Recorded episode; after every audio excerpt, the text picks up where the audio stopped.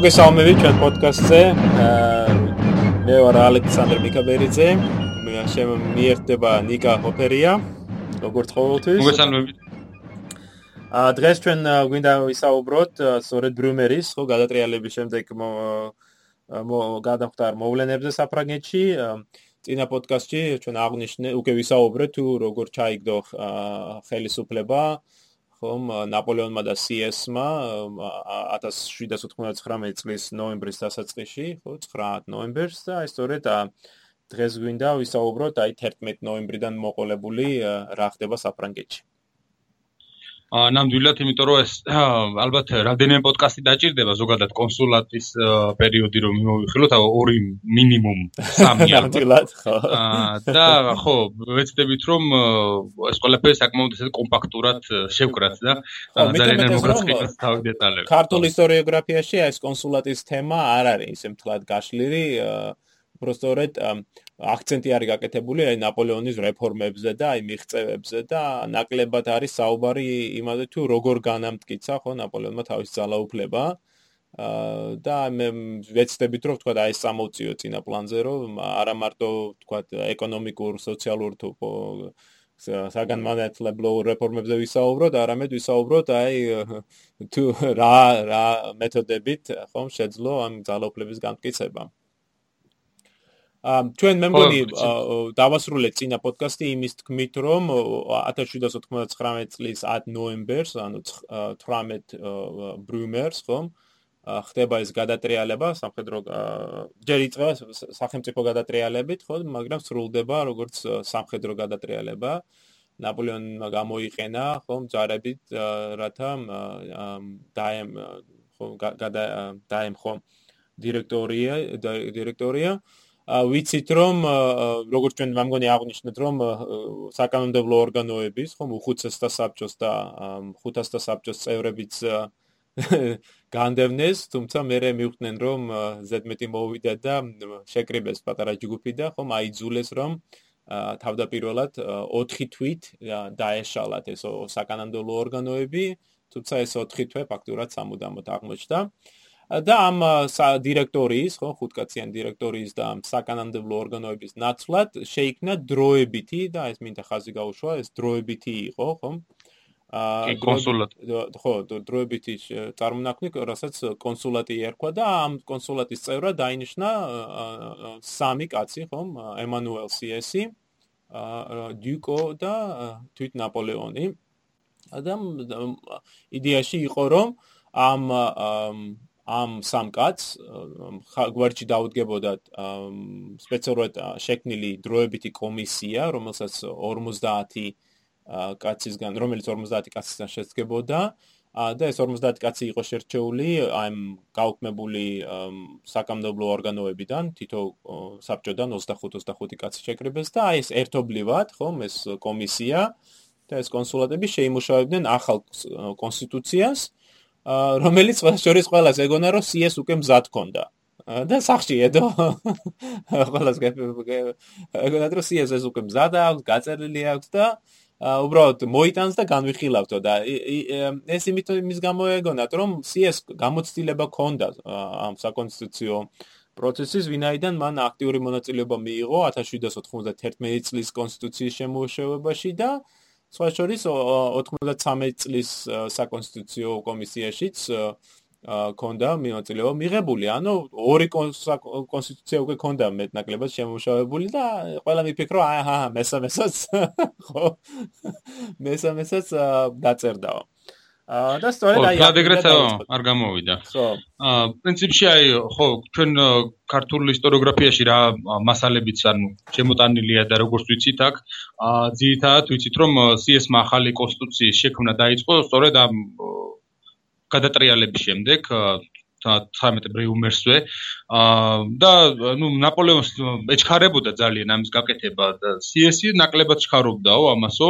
აა და თან როცა ეს კომისია შეიკრება რომელიც ხელმძღვანელი CS-ი იყო და უნდა შეემუშავებინა ეს კონსტიტუცია ფაქტობრივად CS-ი ყველა გადაწყვეტილებას და ყველა მითითებას ისინი უკრიტიკოთ იღებდნენო მეტნაკლებათო აა და CS-მაც შეადგინა ისეთი ტიპის კონსტიტუცია ანუ რომელიც ნაპოლეონისთვის ნაკლებად მისაღები აღმოჩნდა პირველ რიგში ანუ ეს ითვალისწინებდა იმას რომ უნდა ყოფილი ანუ ძალაუფლება არ უნდა ყოფილიყო პირდაპირ ხალხით არ უნდა ხალხისგან არ უნდა განხორციელებულიყო რადგან მას ამისთვის საკმარისი განათლება არ ჰქონდა CS-ის აზრით უნდა აერჩიათ მათ წარჩინებული პირები, ნოტაბლები, რომელთაგან ერთი იქნებოდა დიდი ელექტორი, ამომრჩეველი და ის აირჩევდა ამ მართველებს, რომლებიც ამ პერიოდის განმავლობაში სანამ ეს დიდი ელექტორი იქნებოდა, მართავდნენ სახელმწიფოს, ხოლო ეს იქნებოდა ქვეყნის ნომინალური მართველი, ეს დიდი ელექტორი. ფაქტობრივად რაღაც მეფესა და პრეზიდენტ შორის დებარე თანამდებობა უნდა ყოფილიყო. უნდა ეცხოვრა ვერსალის სასახლეში, 5 მილიონი ფრანკი უნდა მიეღო და ფაქტობრივად არაფერი არ ეკეთებინა ყოფილიყო ფორმალური მართველი. როდესაც ეს კონსტიტუცია წარადგინა CS-მა, ნაპოლეონმა დაიწუნა ეს მაშინვე და ეს დიდი ელექტორი შეადარაო მას გასასუქრებელ ღორსო ნაპოლეონმა. ასევე ხო რამაც გამოიწვია CS-ის გაღიზიანება და ის გაიბუტაო მაგრამ წინააღმდეგობა ვერ გაუბედაო ნაპოლეონსო რადგან ამ დროისთვის ალბათ ის უკვე ხედავდა ნაპოლეონს თუ როგორ ძალაუფლება ჰქონდა და საერთოდ როგორი პიროვნება იყო რადგან მანამდე მან ნაკლებად იცნობდა არ ქონდა იმდანად ახლო შეხება მასთან და დროთა განმავლობაში მან გაიცნო ნაპოლეონი და მისი მისტრაფებები, მისი ამბიციები და მისი შესაძლებლობები. ხო. ამ აი ეს ანუ აი ნიკა ჩვენ ძალიან კარგად აღწერე თუ აი ქართულ ისტორიოგრაფიაში როგორ არის ხო აი ეს აი ეს მომენტი გაშუქებული ჩვენ საუბარი გვაქვს აა ნოემბერ დეკემბერის პერიოდზე ხო ეს ნოემბერი დეკემბერი იანვრის ნაწილი როდესაც აი ეს ყველაფერი ხდება და გარკვეული პრობლემები არის სწორედ აი ამ ამ მიდგომასთან და ანუ იმასთან თუ როგორ არის ეს საკითხი გაშუქებული. თქვა თქვა იგივე რომ ნაპოლეონს ეჩქარებოდა და CSR-ა ხო? ან ან ის რომ CS-ის გეგმა ხომ ნაპოლეონმა არა ჩააგდო და არა ხო ფაქტურად მე ცალკე თავისი გეგმა შეემუშავა ხო ამ აი ყოველივეს აქვს თავისი პრობლემები და მინდა რომ ცოტა დეტალურად განვიხილოთ ეს რომ ფინალს კონდეს ეს წარმოდგენა თუ როგორ მოხდა ეს ყოველივე. ამ დავიწყოთ ჩვენ 11 ნოემბრით ხომ? ანუ 10 ნოემბერს გადატრიალება ხდება გვიან საღამოს სრულდება ხომ იმ იმ ღამეს ყველაშორის 10-დან 11-ში ხო იმ ღამეს ნაპოლეონმა და დაუძახა თავის მეუღლეს ჯოზეფინას და მათ თოლკმარმა პირველი ღამე ამ გადატრიალების შემდეგ გაატარეს სწორედ ლუქსემბურგის სასახლეში. 11 ნოემბერს დილის 11 საათზე ყველაშორის ისეთი მოგუშული დილა იყო წვიმდა ნაპოლეონი გამოწყობილი სამოქალაქო ტანის სამოში, რაც ძალიან მნიშვნელოვანი ფაქტი არის, ხო? აა ვინაიდან ყოველას თვალში ის გენერალი იყო, მაგრამ აი ეს განზრახ იწმევს სამოქალაქო ტანის სამოს. ნაპოლეონი მიდის ლუქსემბურგის სასახლეში აა და ხდება იგივე სადაც უნდა შემდგარიყო ამ დროებითი კონსულების, ხო, პირველი შეხვედრა. და ეს პირველი შეხვედრა ტარდება იგივე იმავე ოთახში, სადაც დირექტორიამ ჩაატარა თავისი უკანასკნელი შეხვედრა ორი დღის წინ. აი, ესეც სიმბოლური. ამ და მოკლედ ამ შეხვედრისას იკვეთება ერთი მნიშვნელოვანი გარემოება, რომ ნაპოლეონსაც და CS-საც აქვს აი საპირისპირო საპირისპირო ხო მიზნები ხდება ашკარა რომ CS სურდა ძალაუფლების განმტკიცება საკუთარი თავისთვის ისე როგორც ნაპოლეონს სურდა. ანუ ჩვენ არ უნდა ვიფიქროთ რომ მხოლოდ ნაპოლეონი არის აქ ხო ეს მეგოლომანიაკი რომელსაც ძალაუფლება სურს. CS-ი CS-აც სურს ყოველ შემთხვევაში ძალაუფლების განმტკიცება და სამისად იბრძვის კიდევაც და მე მგონი თისკარიშულს აქვს თუ არ ვწდები ან ტარლეს აღარ მახსოვს ეს რომელი მე მგონი თისკარიშულს აქვს. საუბარი რომ აი პირველი შეხვედრა როცა შედგა ამ ამ ამ კონსულების რომ რა ქვია დიუკომ ხომ შესთავაზა ნაპოლეონს რომ ის ყოფილიყო რა ქვია პრეზიდენტი ხო ამ უბრალოდ თავში ხო ელექტორი პრინციპში ხო აი რაღაც ეგეთი არა არა შეხვედრის თავმჯდომარეო და აა შეხვედრის თავმჯდომარე ხო ხო შეხვედრის თავმჯდომარეო და ხო დრო გაურკვეველი იყო ჯუკომ რატომ გააკეთა ეს და რომ შეიძლება მოსყიდული ყოფილიყო. აა სინამდვილეში თვათ მასე არ ყოფილა სხვა შორის შეხვედრა როცა დაიწყო ჯუკომ საჯაროდ ესე გამოვიდა და თქვა უთხრა ნაპოლეონს რომ ამ აზრი არა აქვსო ჩვენ ახლა რომ ვიდაოდ ვინ იქნება პირველი შეხვედრის პრეზიდენტი ამ თავმჯდომარე ისინი პრეზიდენტს უწოდებდნენ ამ ამ ამ თანამდებობას და შენ გეკუთნის ესო ნაპოლეონს უთხრა ვინაიდან ხო აი სამხედრო ძალა ფაქტურად მაგის ხარეზე იყო და ნუ ანიშნა რა რომ შენ ჩაუდეკი თავში. ამის გაგონებაზე ბუნებრივია CS მეტად არესია მონა ხო ახლა და ნაპოლეონ მიხვდა ახლა რა ამას რა დიდი მიხვდა უნდა და ამიტომ ნაპოლეონმა შესთავაზა კომპრომისი რომ მოდი ეს ამ ამ შეხვედრების თავმჯდომარეობა მოხდეს როტაციის წესით ყოველ 24 საათში, ხო? ანუ დღეს ყოველ ყოველ დღეს სხვა სხვა თავმჯდომარე იქნება და ამ მარტივი წესით გავარკვევთ ვინ იქნება თავმჯდომარე, ეს იქნება ანბანის მიხედვით. და თუ რო გადახედო, ხო? ბონაპარტი, დიუკო სიესი, ბონაპარტი პირველი გამოდის რა. ა სიესი დათანხმდა ამაზე და ნაპოლეონიც დაჯდა ამ მაგიდის სათავეში, სადაც ადრე დირექტორის თავმჯდომარე იჯდა და სწორედ ასე ჩაუდგა სათავეში ამ ამ ამ კონსულას, მაგრამ როგორც აღნიშნე, ეს მხოლოდ 24 საათით იყო, ხო? მე შემდეგ დღეს 12 ნოემბერს უკვე ჯიკო იყო და მე 13 ნოემბერს CS-ი და ასე როტაციის წესით ხდებოდა ამ შეხვედრები. ანუ არ უნდა ვიფიქროთ იმაზე, რომ ნაპოლეონმა ხო ჯიკო მოისყიდა და ძალაუფლება, თქვა, ჩაიგდო.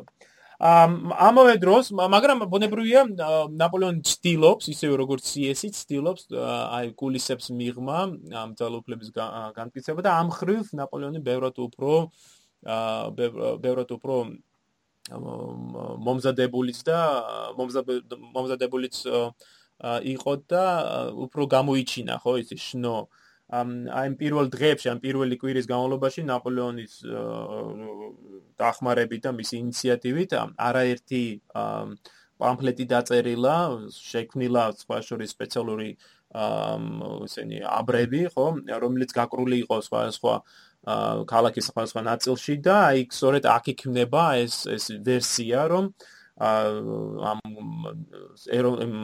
საკანონმდებლო ორგანოებში იყო შეთქმულება ხო ამ ნეო იაკობინელების და ერთ-ერთ აბრაზე იყო სწორედ ეს აღწერილი ვერსია, ხო ეს რაც შემდგომში გახდება ოფიციალური ვერსია ამ მოვლენის ამ გადატრიალებს რომ 20 მკვლელი თავს დაესხა ნაპოლეონს და ცდილობდნენ ხო მძენი ხანჯლებით მოეკლათ ის და აი ძლივს გადაურჩა ამ სიგდილს ნაპოლეონი და სწორედ ეს გაბუქებულ ფერებში იყო ყოველი ყოველი ნახატზე ხვდება ცნობილი ნახატზე ხო არაერთ ნამდვილად არაერთ ნახატზე რომელთა უმეტესობა იყო შექმნილი სწორედ ნაპოლეონის კარნახით.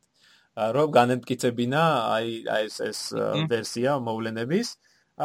და რა არის ის საინტერესო რომ ამ ამ აბრებზე ხო ამ გამოცემებში და იმაში არც CS-ი არის აღნიშნული ნახსენები და არც ჯუკო. ანუ აი ნაპოლეონი უკვე ამ ამ მომენტში ნელ-ნელა ხო ქმნის აი საზოგადოებრივ აზრს, რომ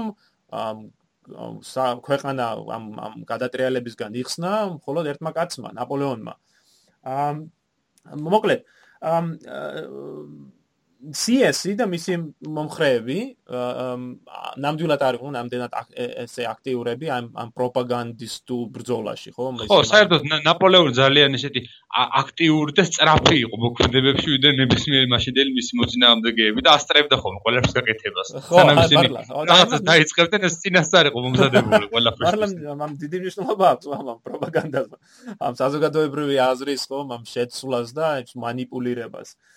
ამ მას რას აკეთებს CS-ი ხომ ალბათ მსმენელი იკითხავს.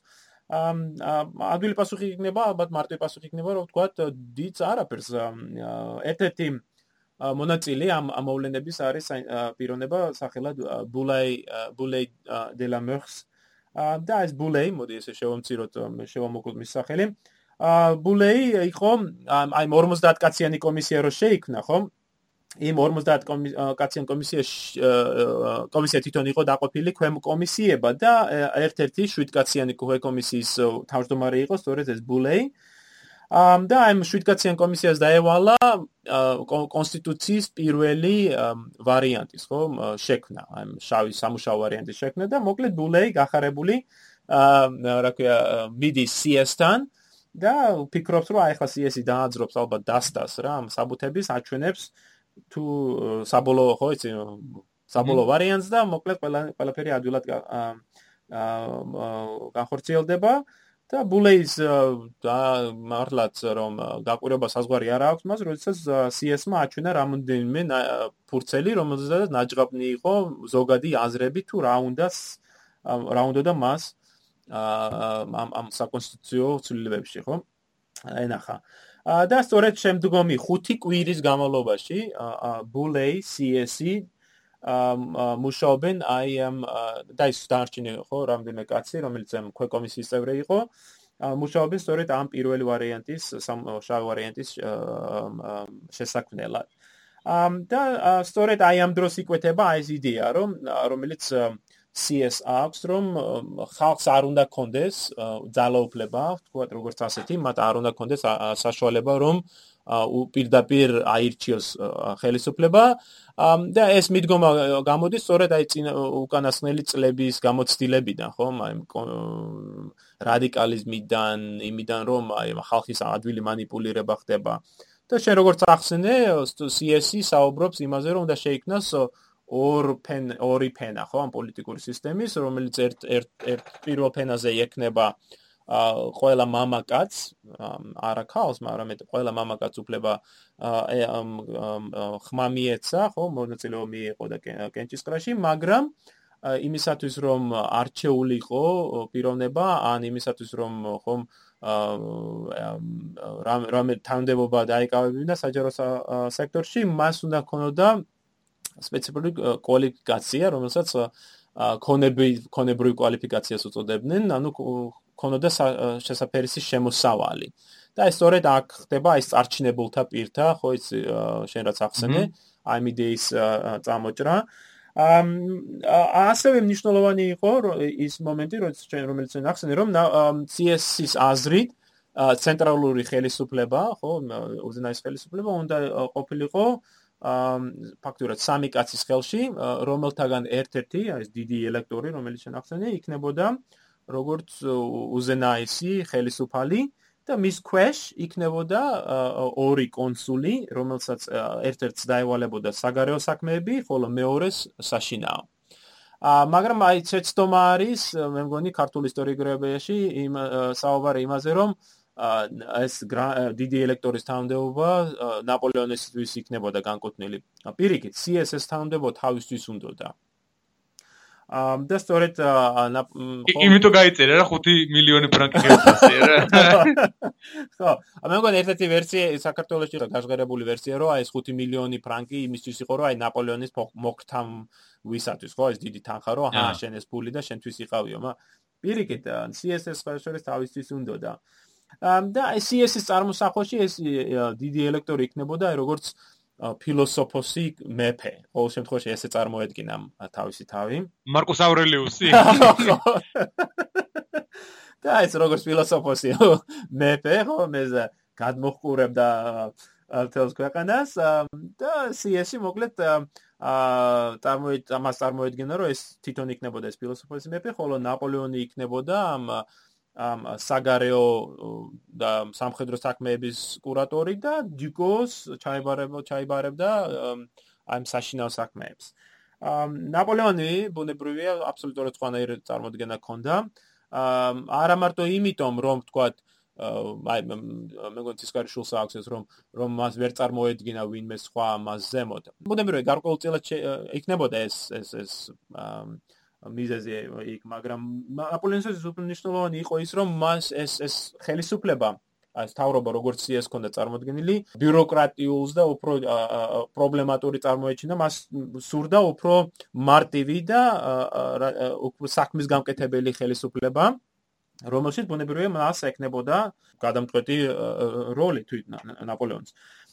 და სხვადასხვა შორის ნაპოლეონი არ იყო მარტო ამ ამ ამ აზრის, და სწორედ აი ამის შედეგად ნაპოლეონმა შეძლო აი იმის გამო რომ ნაპოლეონის მიდგომა განსხვავდებოდა CS-ისგან მან შეძლო არაერთი კომისიის წევრი თავის ხარეს გადმოებერებინა თვით ბულეი ხო რომელიც აი საკანონმდებლო ორგანოს წევრი იყო და სწორედ CS-ისკენ იხრებოდა თავდაპირველად თვით ბულეიც მიხვდა რომ CS არ აქვს ფაქტურად ნორ კარგი იდეები ან ან უბრალოდ ისეთი იდეები რომელიც ნამდვილად შექმნის ეფექტურ ხელისუფლებას და თანდათანობით სწორედ ბულეი გადავიდა ნაპოლეონის ხარეზე იგივე შეგვიძლია ვთქვა ისეთ სახელგანთქმულ იურისტზე როგორც იყო კამბასერესი ხო?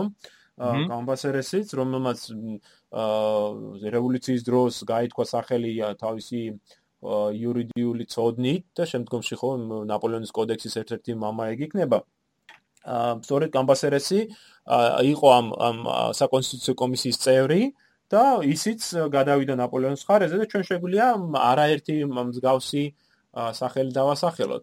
აა სხვა შორის ნოემბრის შუა რიცხვებისათვის, ხო, აი 15-16 რიცხვებისათვის უკვე იკვეთება ჩანს რომ ამ საკონსტიტუციო კომისიის შიგნით იქნება ცალკე ჯგუფი, რომელშიც შედის ნაპოლეონი, კამბასერესი, ლებრუნი, ნაპოლეონის ძმა ლუსიენი, ესეთი საკანონმდებლო ორგანოების წევრები, როგორც იყო რეალი, რენიო, რედერერი და ესენი ხვდებიან ცალკე და ფაქტობრივად მუშაობენ ამ ამ კონსტიტუციის თავიანთ ვერსიაზე, რომელიც სხვადასხვის ითვალისწინებდა ასევე სამ კაცს, ხო?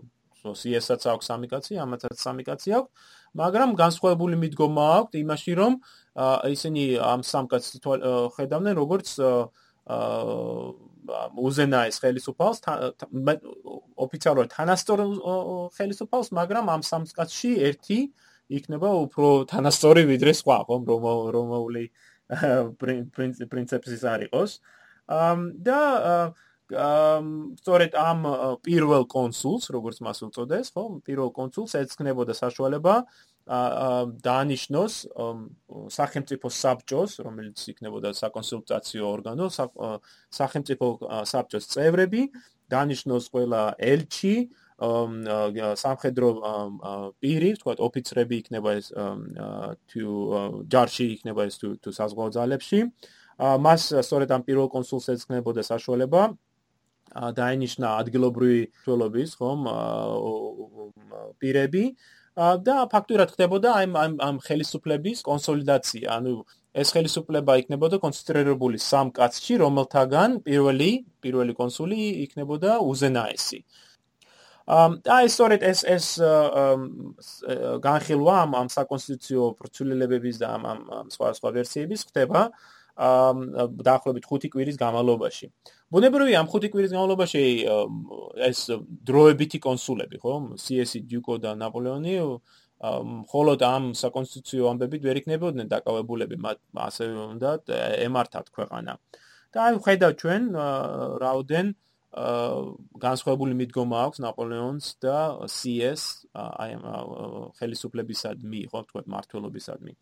ნაპოლეონი აქტიურად ცდილობს მაგალითად ხელისუფლებაში მოიზიდოს პირები მიუხედავად იმისა თუ რა პოლიტიკური ო შეხედულებები აქვს. ნამდვილად.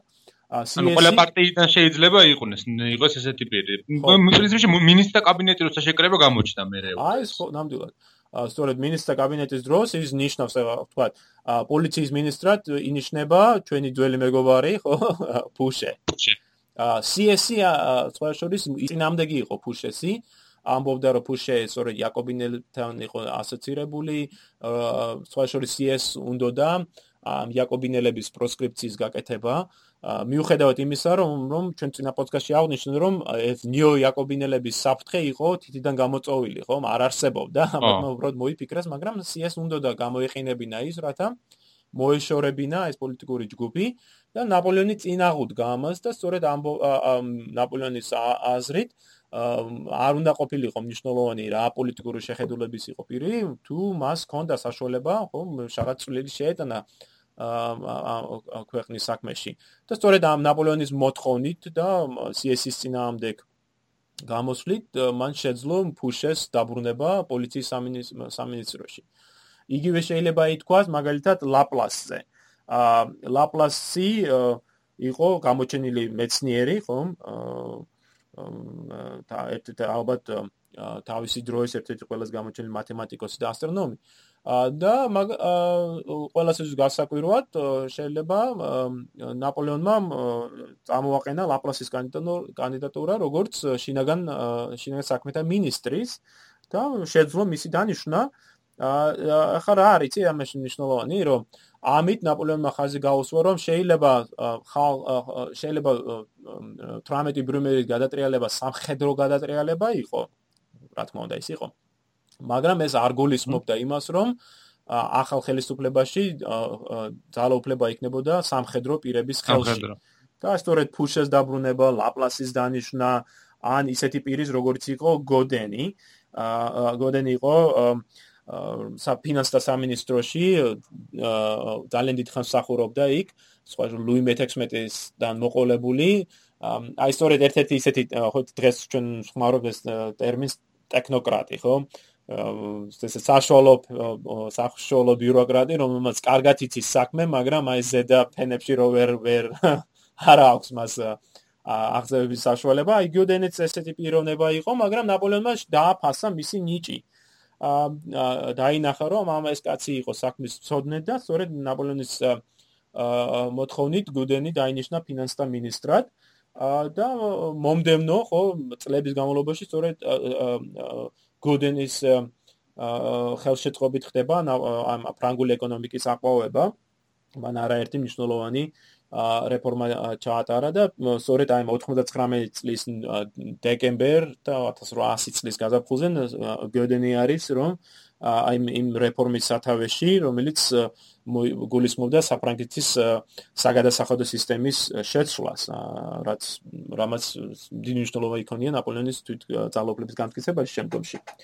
მოკლედ ამავე პერიოდში სწორედ ნოემბერ-დეკემბერში ნაპოლეონის ინიციატივით აა ვერცალის სასახლე გადაეცა დაჭრილ ჯარისკაცებს სადაც ისინი იწხოვრებდნენ და სწორედ ხოც მოიშუშებდნენ ჭრილობებს. ეს მეტად პოპულარული გადაწყვეტილება იყო. თან სიმბოლურიც ხო? ადრე აქ მეფეები ცხოვრობდნენ ახლა ჩვენი ჯარისკაცები იქნებიან. აა მეცემში მე ინვალიდების სასახლეც დაახლოებით ესეთი პროექტი იყო რა რა ხო, მაგრამ ივალიდების სასახლე ახლა ლუი მე-14 მააშენა და იქ დიდი ხნის ვადიანი იყო ნაპოლეონმა განა. უბრალოდ ნაპოლეონის დროს განსაკუთრებით ის არის, ხო, ნაპოლეონის პერიოდიდან იწყება მაინც მაგის. ამ ახლა ან თქვა ნაპოლეონს ეკუთვნის ისეთი იდეა, როგორც იყო ემიგრანტების, ხო, ემიგრეის, როგორც მას უწოდებდნენ, ემიგრანტების, ან პოლიტიკური ემიგრანტების სახში დაბრუნები ნებართვა მისცეთ მათ, რომ სახში დაბრუნდნენ. ანუ შეიწყალეს ესე ვთქვა. შეწყალება გამოაცხადეს ნამდვილად. თან როგორ იყო იცი? ადრე ანუ ტერორის დასრულების შემდეგ ამ იმიგრანტებს ჰქონდა საშუალება საბრუნებული იყვნენ ქვეყანაში მაგრამ უნდა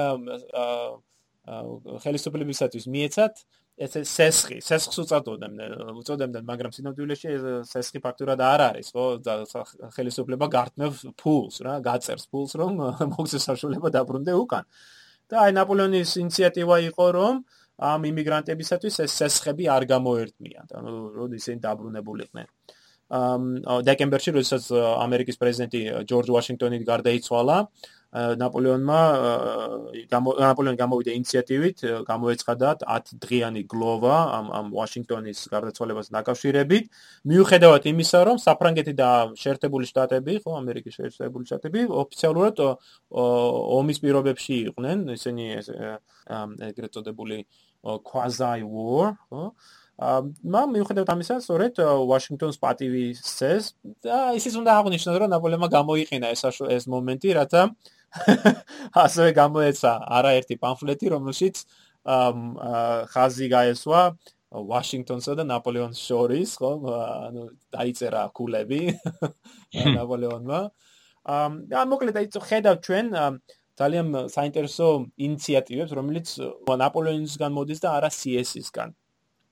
თქვენ შორის ზორეთ ამ მომენტში არის, რომ ნაპოლეონი ერთ-ერთ საუბრისას ბურიენს, ხო, თავის მეგობარს, ბურიენს ეუბნება, რომ ახალმა სახელმწიფოებამ საზოგადოება უნდა გააოცოს და გააკვირვოს. თუ ის არ შეძლებს ამის გაკეთებას, ის უმალვე დაემხობა. და აი სწორედ ამას ხედავ ჩვენ ნაპოლეონის ინიციატივებში, ხო? ის უნდა ვცდილოს რაღაცა ახალი და გამორჩეული გააკეთოს, რათა შექმნას საზოგადოებაში, ხალხში იმის დაბეჭდილება, რომ მართლაც ხდება რაღაცა, ხო?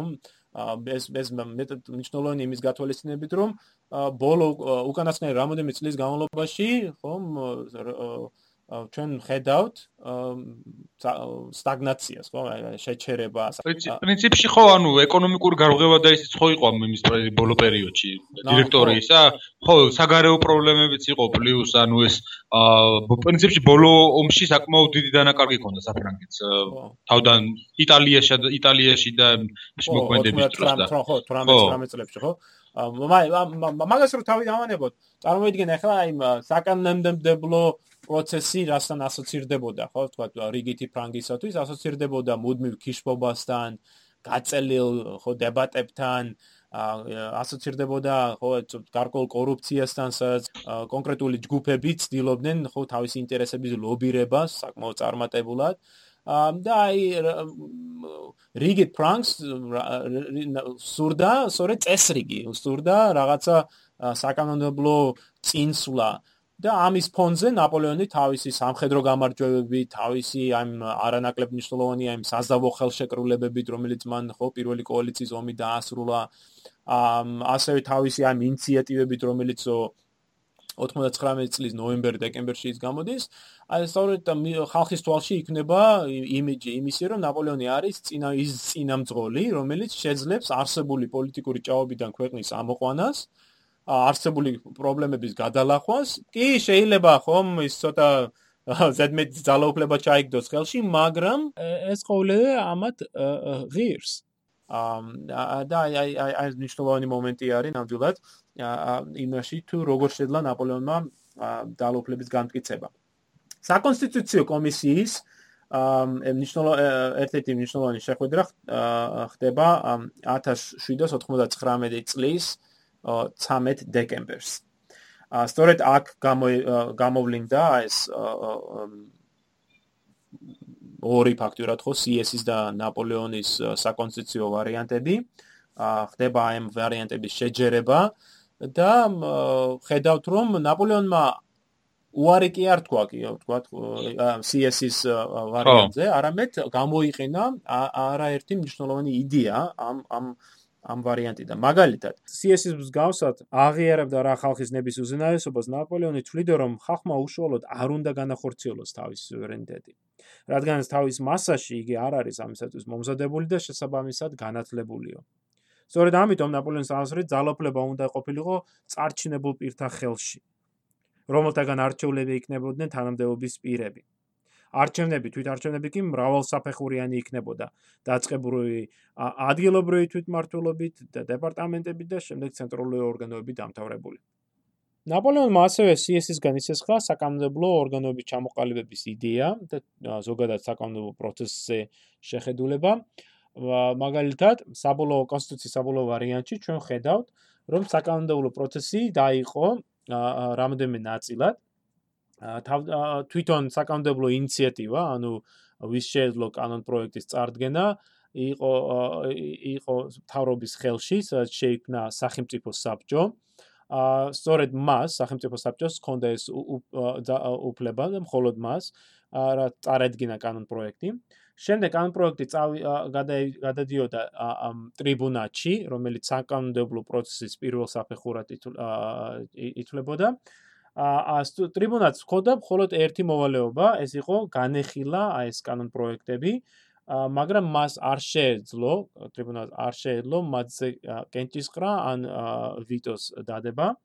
აა შემდეგ ტრიბუნატიდან კანონ პროექტი გადადიოდა საკანონმდებლო კორპუსში, რომელსაც არ შეეძლო კან კანონ პროექტის განხილვა და მხოლოდ შეეძლო ქონდა უფლება წაეკითხა და კენჭი ეყარა მასზე.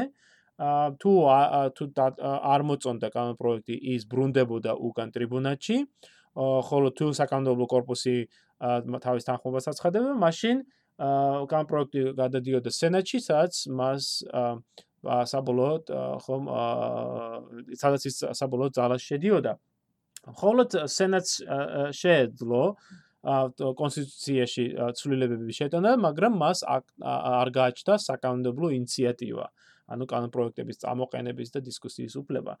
ამრიგად, აი კონსტიტუციაში 1800 წლის კონსტიტუციაში ჩვენ ხედავთ აი საკანონმდებლო პროცესის დაყოფის აა მიდგომ დაყოფას კონკრეტულ ნაწილებად, რის შედეგადაც თვითონ საკანონმდებლო ორგანო სუსტდება და ის კარგავს აი ესეთ მნიშვნელოვან პრეროგატივას, რომელიც არის სწორედ კანონპროექტის წამოყენება.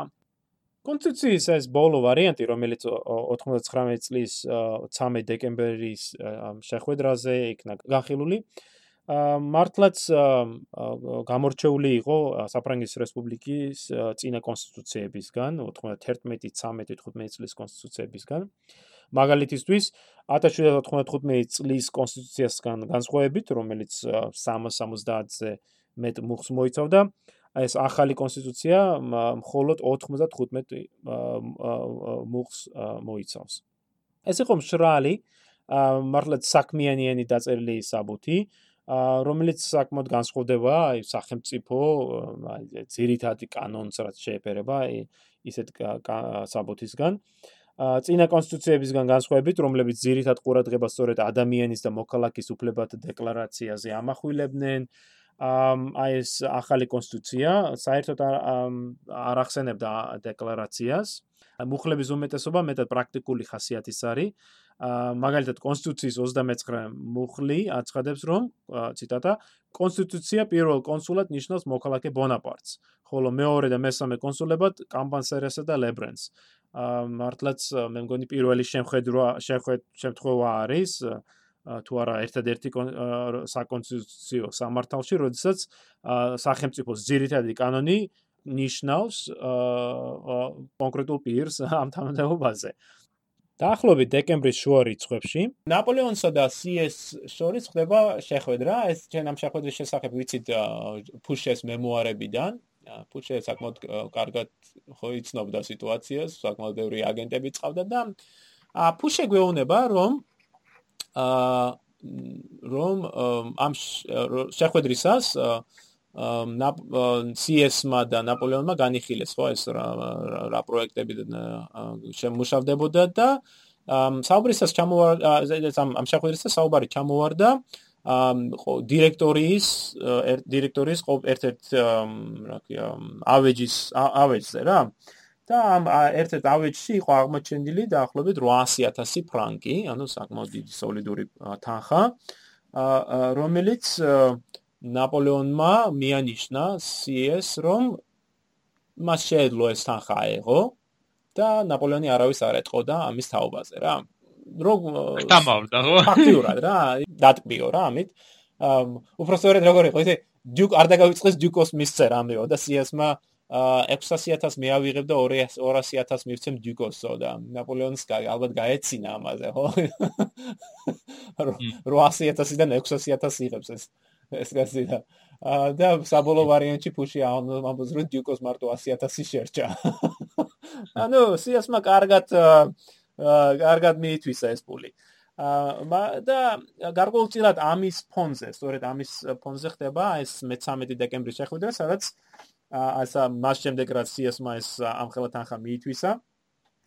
ნაპოლეონი ამ შეხვედრის დროს ეკითხება ეკითხება CS რომ ვის თუ აქვს მას წინადადება დაეყენებინა კანდიდატურები ამ სამ კონსულის კოტამნდებობაზე და CS-ი გამოდის და ეუბნება საჯაროდ აცხადებს რომ კი მაქვს ეს კანდიდატურები და ესენი არიან ლებრუნი საკმაოდ ცნობილი ადვოკატი ლებრუნი მესამე კონსულის თანამდებობაზე კამბასერესი ასევე ცნობილი ხო ადვოკატი მეორე კონსულის თანამდებობაზე ალბათ ყველა ხო იცი ზის ესე განაბური განაბული და უსმენს ვინ იქნება პირველი კონსული და სწორედ CS-მა წარადგინა ნაპოლეონი პირველი კონსულის თანამდებობაზე. და ნაპოლეონმა დაუფასა ეს აა ვანაიდან იმ 700000-ის ხო მოხდამის თავ გარდა კიდე მას დაენიშნა CS დაენიშნა 350000 ფრანკიანი პენსია გადაეცა ორი სახლი, ერთი პარიზში, ხოლო მეორე ვერსალთან, ძალიან საყვარელი შატო, ხო? და ფაქტურად CSC ტოვებს ამ საჯარო საქმიანობას, ამ სახელმწიფო სამსახურს და ამ იერიდან ის იქნება ეს კერძო პირი და ჩამოშორებული არის ამ პოლიტიკურ სარბიელს. ახალ შემოშებული კონსტიტუცია უნდა გასულიყო რეფერენდუმზე და იქ მას საფრანგეთის მოსახლეობა ან დაუჭერდა მხარს ან უარყოფდა მას. ბუნებრივია ნაპოლეონს უნდოდა რომ დადებითად გადაწყვეტილიყო ეს საკითხი და სწორედ თებერვლის წინ 1800 წლის თებერვლის თვის მან მიიღო კონკრეტული ზომები საამისოს მაგალითად. ლაპლასი. ხო შინაგან საქმეთა მინისტრი იქნა ჩამოშორებული თავის თანამდებობიდან და მის ნაცვლად ნაპოლეონმა დანიშნა თავისი ძმა ლუსიენი და ლუსინს დაივალა სწორედ ამ პლებისციტის მომზადება. კენჭის იანვრის ბოლოს დაიწყო და 7 თებერვლამდე გაგრძელდა, მაგრამ ამ ყველა დასრულ მამაკაც საფრანგეთში ქონდა საშუალება მისულიყო ამ ამ კენჭისხრის ადგილას და ჩაეწერა ან ხო თავისი ხმა ან ის მხარს უჭერდა ამ ამ კონსტიტუციას ან არა. შემდეგ 7 თებერვალს 7 თებერვალს ლუსენმა გამოაცხადა ამ რეფერენდუმის შედეგები და შედეგი მაჩვენეს რომ კონსტიტუციას ხარი დაუჭირა 3 მილიონ 11700 ფრანგმა. და იმახსოვრეს რიცხვი ხო? 7 მილიონზე მეტმა. ხოლო უარი თქვა 1562-მა 1562-მა რაც აბსოლუტურად სიცრუეა. ამ ეს ის ის გაყალბეს გაყალბეს. აა გაყალბეს აბრასის ამ ბუნებრივია რომ 99 და 9%-მა დაუჭირა კონსტიტუციას ეს მეტად საეჭვო არის. ისიც არის საეჭვო რომ ამ ორჩევალთან მხოლოდ 25%-მა მიიღო მონაწილეობა. ანუ ნაპოლეონმა თავდაპირველად ამაში ეს ახსნა იმით რომ ცუდი ამინდი იყო და ამიტომ არ მოვიდნენ.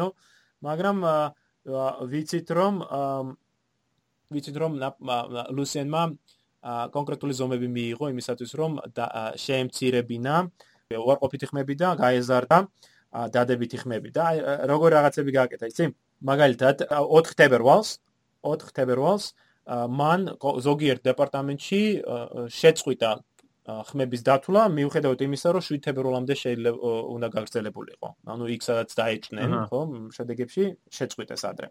აა შემდეგ აა რა ქვია ისეთ ადგილებში სადაც ისეთი დეპარტამენტში დაახლოებით 24 დეპარტამენტში სადაც მათ რიცხვები არ მოეწონათ, ხო, რამდენად შეფარდება დადებითსა და უარყოფით შორის არ მოეწონათ, უბრალოდ დაამატეს რამოდენიმე 1000 ხმა.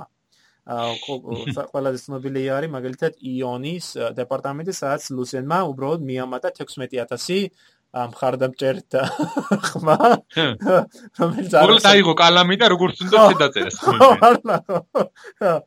მაგრამ რა სამხრეთ სამხრეთ აღმოსავლეთ დეპარტამენტებში ასევე არ მოეწონა შედეგები და თითო დეპარტამენტს მიუმატეს 7000 მხარდამჭერი რა მოხდა ხო? ახლა 7000 დიდი არაფერი.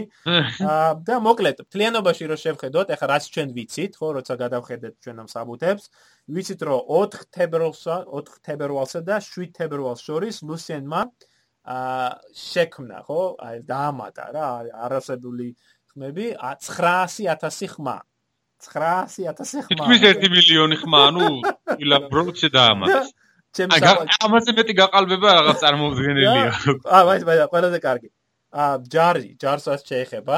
ჯარიდან 5 500000 500000 მაცა რამდენი იყო? გავიხსენო 500 ხო 556000 556000 ხმა აა ჯარიდან რაც მიიღეს. აა ყველა ჩათვლილი იქნა მიუხედავად იმისა ხო. არა თქვეს თუ კი ყველა ჩათვლილი იქნა დადებითად ჯარში მსახურობენ ეგო ხრებიო და უარსყვარი თქვიან ხო? აა ნაპოლეონის კონსტიტუციაზე და ყველა ჩათვლილი იქნა დადებითად და აა ჩამატ მიამატეს ამ რიცხვს და რა და ამას კიდე თავიდან ამას დამატებით აა 34000 34500 ხმა საზღვაო ძალებიდან აა ასევე ჩათვლილი იქნა როგორც დადებითი ხმა. ანუ მთლიანობაში თუ ჩვენ მივიხედ მოვიხედებით და ესე საეჭვო ხმებს დათვლით ამ 3 მილიონ ხო 3 ხო მილიონ მილიონ ნახევარი მანდიდან იყო მიწერილი მიწერილი ხო. აა ასე რომ რეალური რიცხვი ხო რეალური რიცხვი იქნებოდა. დაახლოებით ალბათ 1.5 მილიონი დადებითი და ალბათ რამოდენმე 10000 უარყოფითი. იმაზეც ვერ ვიტყვით რომ რომ რეალურად რომ ჩაეტარებინათ არჩევნები რომ ფრანგი ერი უარს იტყოდა კონსტიტუციას. ნამდვილად არა მაგრამ უბრალოდ რიცხვები იქნებოდა ხო უფრო უფრო სხვანაირი ბევრად ნაკლები დადებით ხარისათვის ცოტა უფრო მაღალი უარყოფით ხარისათვის და ნაპოლეონს ეს არ უნდოდა. მას სურდა აი ეს გადამწყვეტი მოგება რაც რაც მან მიიღო თქვა 3 მილიონი დადებითი და 1562 არა. და ამრიგად კონსტიტუცია სწორედ დამტკიცდა. ეს ეს რეფერენდუმის შედეგები ყოფილიყო მის სასარგებლოდ, არაერთი პროკლამაციას დაიწერა.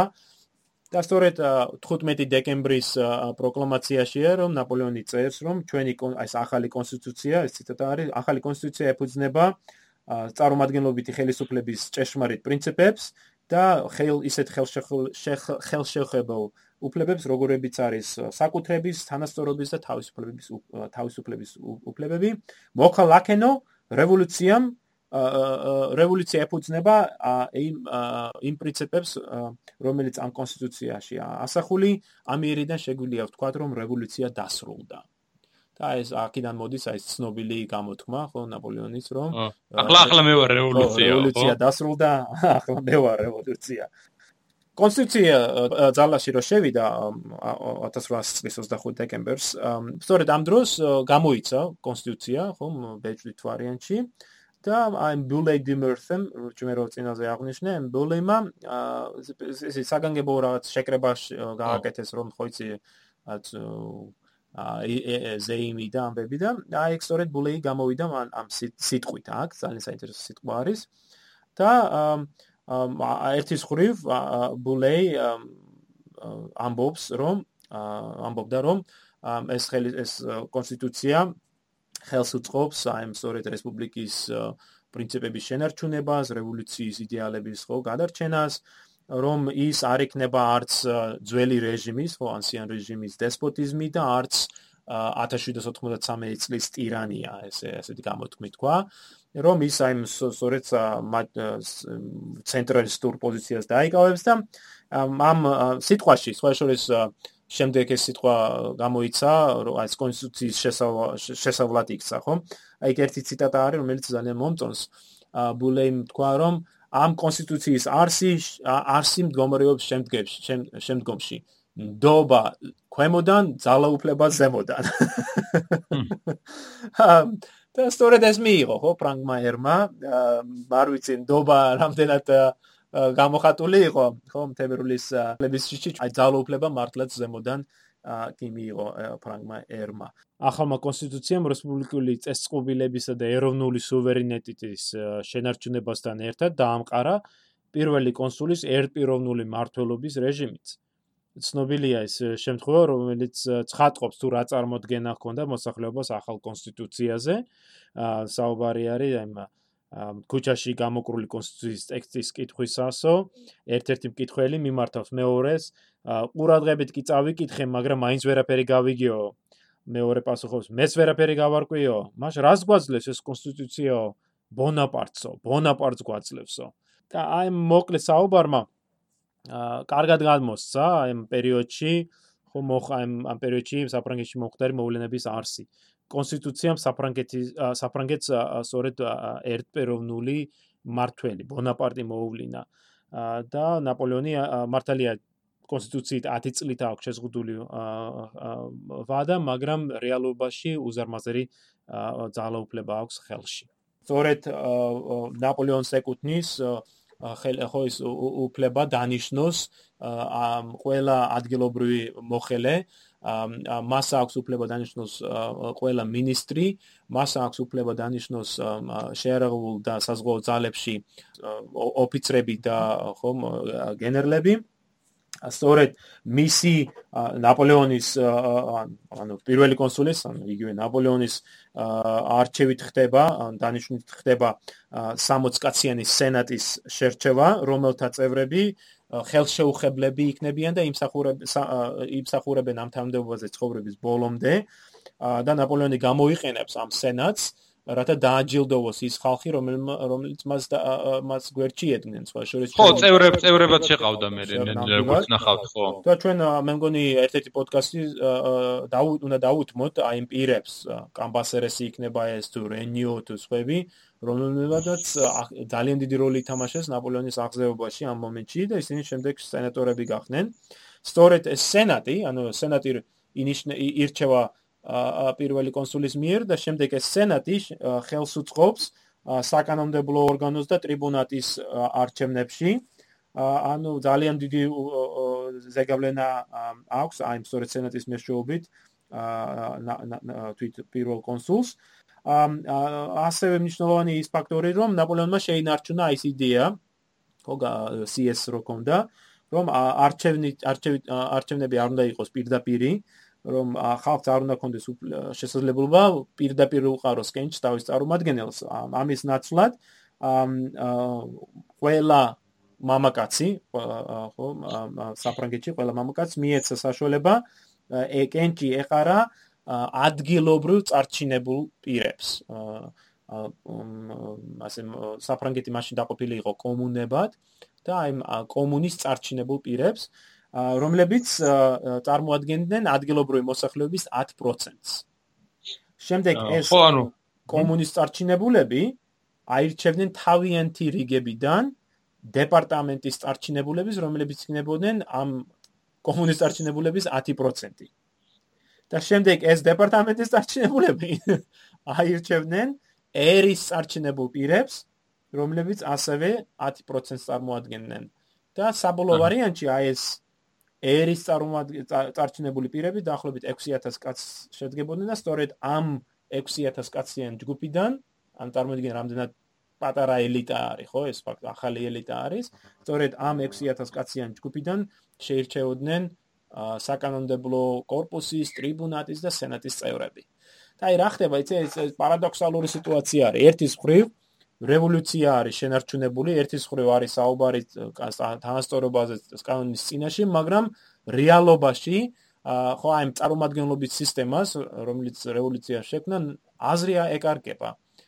შენ კენც რო უყრე, ხო, შენ რო აძლევ შენს ხმას ამ არჩევნებში, შენი ხმა იმ საბოლოო ვარიანტში იკარგება. აი, სწორედ და აი ეს ამის ამის მიზანი. მიზანი. ამ მოდი ჩვენ დავასრულოთ აი ამ საუბარი ამ ეტაპზე და შემდეგ პოდკასტში შეგვიძლია ვისაუბროთ რეფორმებზე და ახალ კამპანიაზე ხო სამხედროზე. ახო ალბათ უფრო რეფორმებზე შემდგომში თუ მოვასწარით კამპანიაზე ლაპარაკი საკუთრებელია, მაგრამ ჩემი აზრით მაინც ბოლო ორი პოდკასტი დაგჭირდება მაინც კონსულატის განხილვისას სწორედ კამპანიის პერიოდის ან ცნობილი მარემოს ბრძოლა და ასე. პოდკასტი რეფორმებზე დაუძმოთ. კი, ნამდვილად ასე აჯობებს.